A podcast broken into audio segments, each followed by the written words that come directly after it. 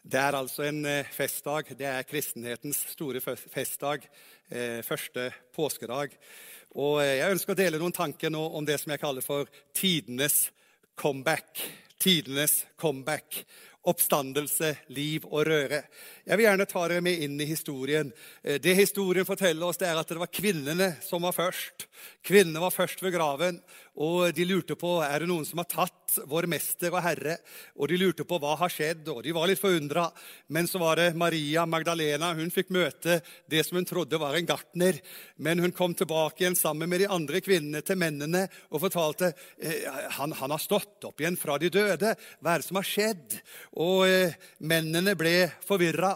Ja, mennene kan noen ganger være litt enkle. Vi blir litt forvirra av det kvinnene har å fortelle oss. Så det er ikke så veldig mye nytt under sola. Også i denne historien så ble de litt forvirra, mennene, av kvinnenes budskap. Jesus har stått opp fra de døde.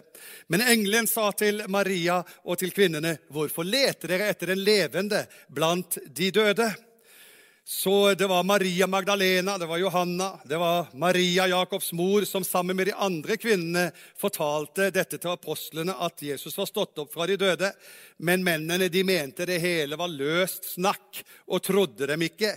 Peter sto likevel opp og løp til graven. Så vi skjønner oppstandelse, det fører til liv og røre. Oppstandelse er ikke statisk. Oppstandelse er ikke eh, noe som ikke er i bevegelse.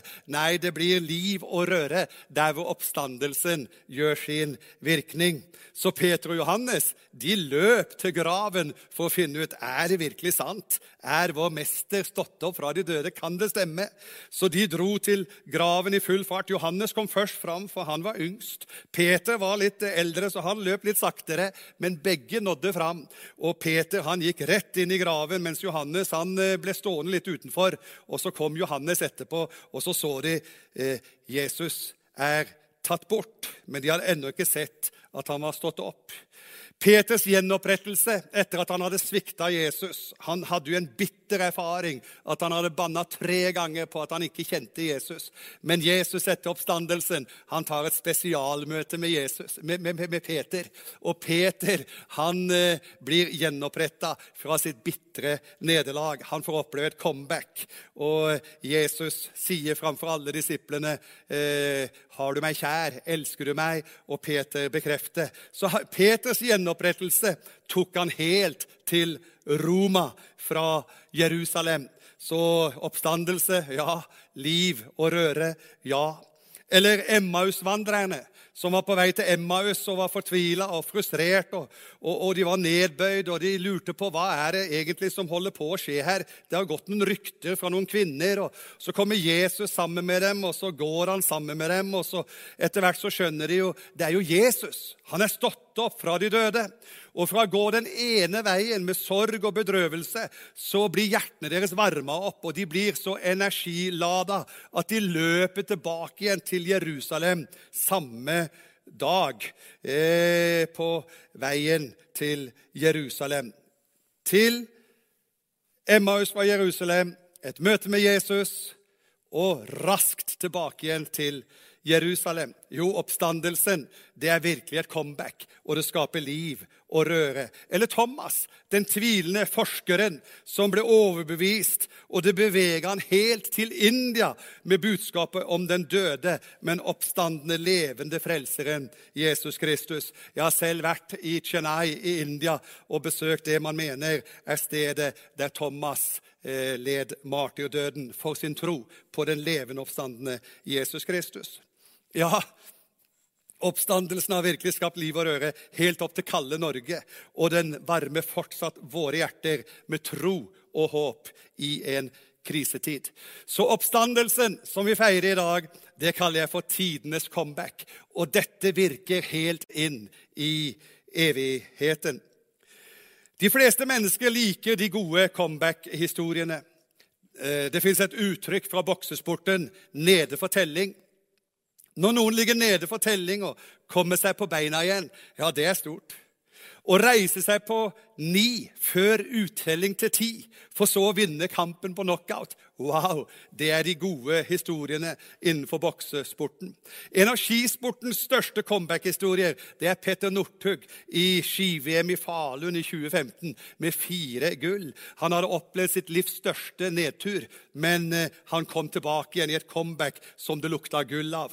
Han åpna med gull på sprinten i det første rennet og avslutta med gull på femmila i siste rennet. Ja, kona mi, hvis hun er litt nedstemt, så tar hun fram eh, YouTube, og så ser hun det der eh, snittet fra YouTube med Petter Northug når han går forbi alle på spurten på femmila i, i, i, i Falun. Og jeg skal hilse deg og si hun kommer i godt humør. Hvorfor? Jo, det er comeback. Og comeback, det er noe vi liker. Vi liker også når underdogs mot alle odds vinner seier. Vi elsker når alt håp er ute, at under likevel skjer.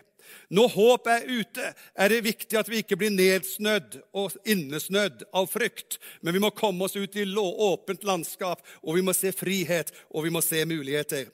1. mai i fjor så tapte Liverpool 3-0 mot Barcelona i Spania. Da er alt håp ute i Champions League. Men bare en uke etterpå, 7. mai, i returkampen, så vant Liverpool mot alle odds 4-0 mot Barcelona i England. Dette kalles miraklet på Anfield.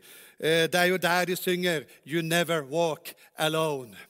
Ja, faktisk så kan jeg si i koronakrisen La meg få lov til å fortelle deg You never walk alone. For han som gjorde tidenes comeback, han går med deg. Han går med meg. Han går med oss. Jürgen Klopp, som er trener for Liverpool, eh, han sa til guttene før returkampen mot Barcelona Så sa han til laget sitt, eh, og han blir sitert på følgende Jeg sa til guttene før kampen at det var umulig.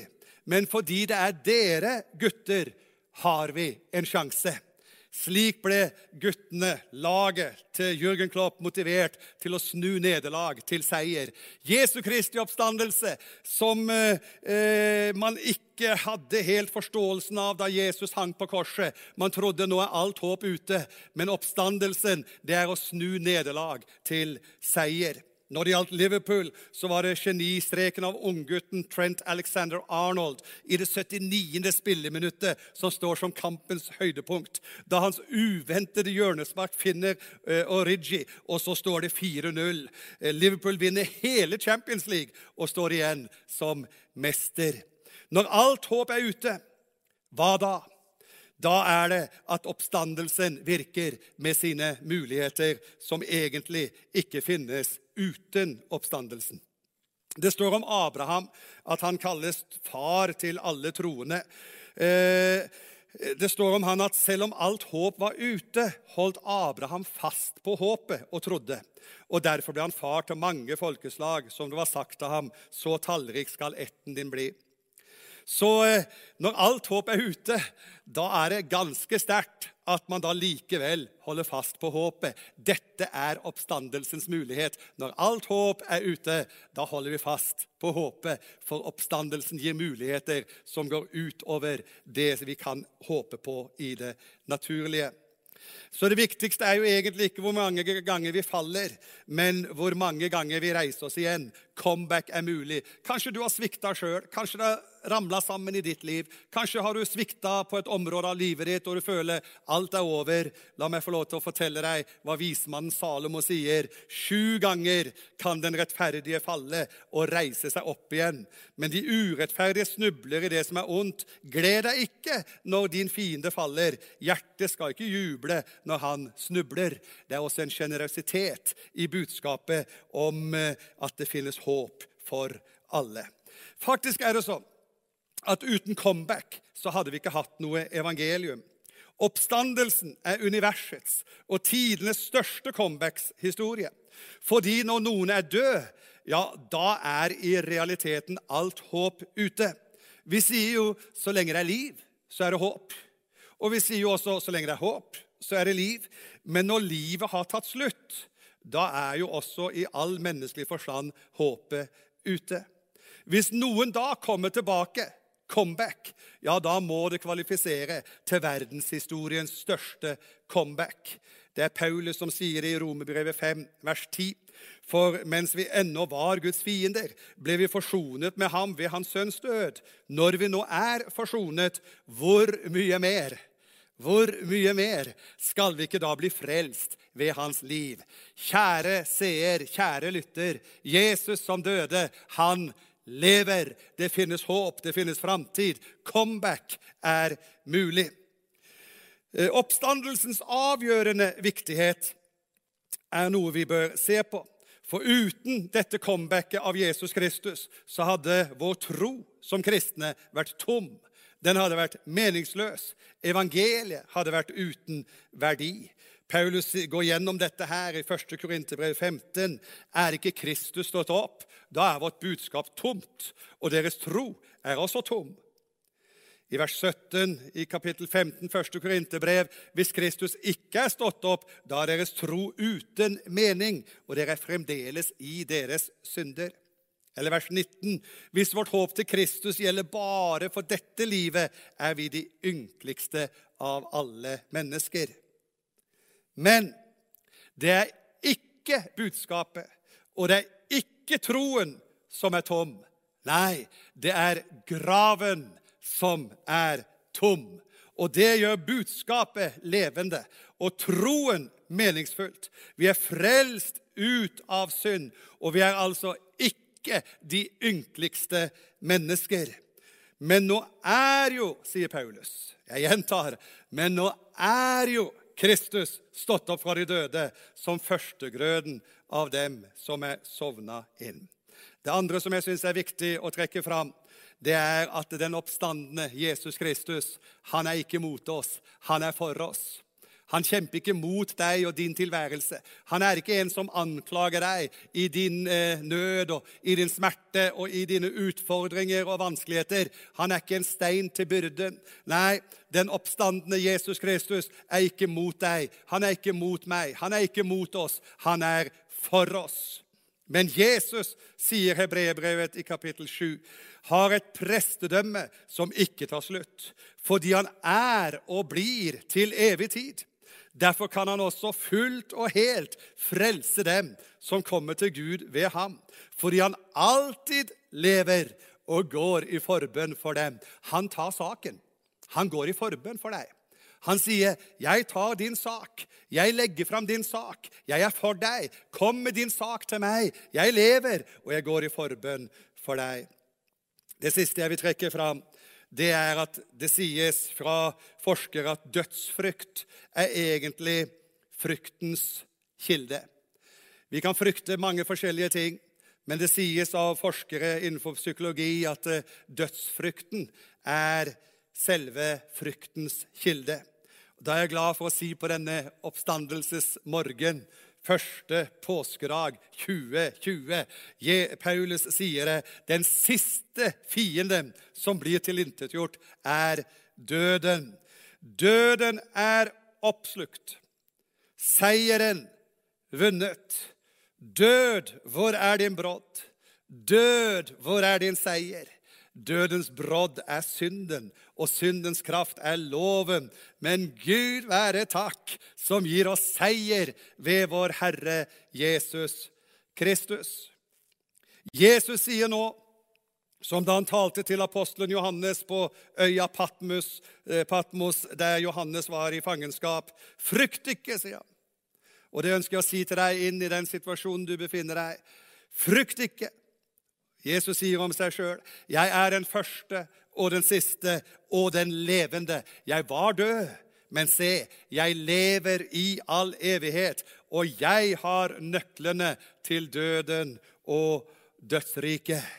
Så det Jesus sa til Maria og Martha da han vakte broren deres Lasarus opp fra de døde, det gjelder også fortsatt. 'Jeg er oppstandelsen og livet. Den som tror på meg, skal leve om han enn dør. Så la oss feire livet i denne krisa. La oss holde fram livets muligheter i denne koronatrusselen. La oss løfte fram den oppstandende Jesus Kristus, som lever og går i forbønn for oss. For den som tror på ham, skal leve, til og med om han enn dør. Amen.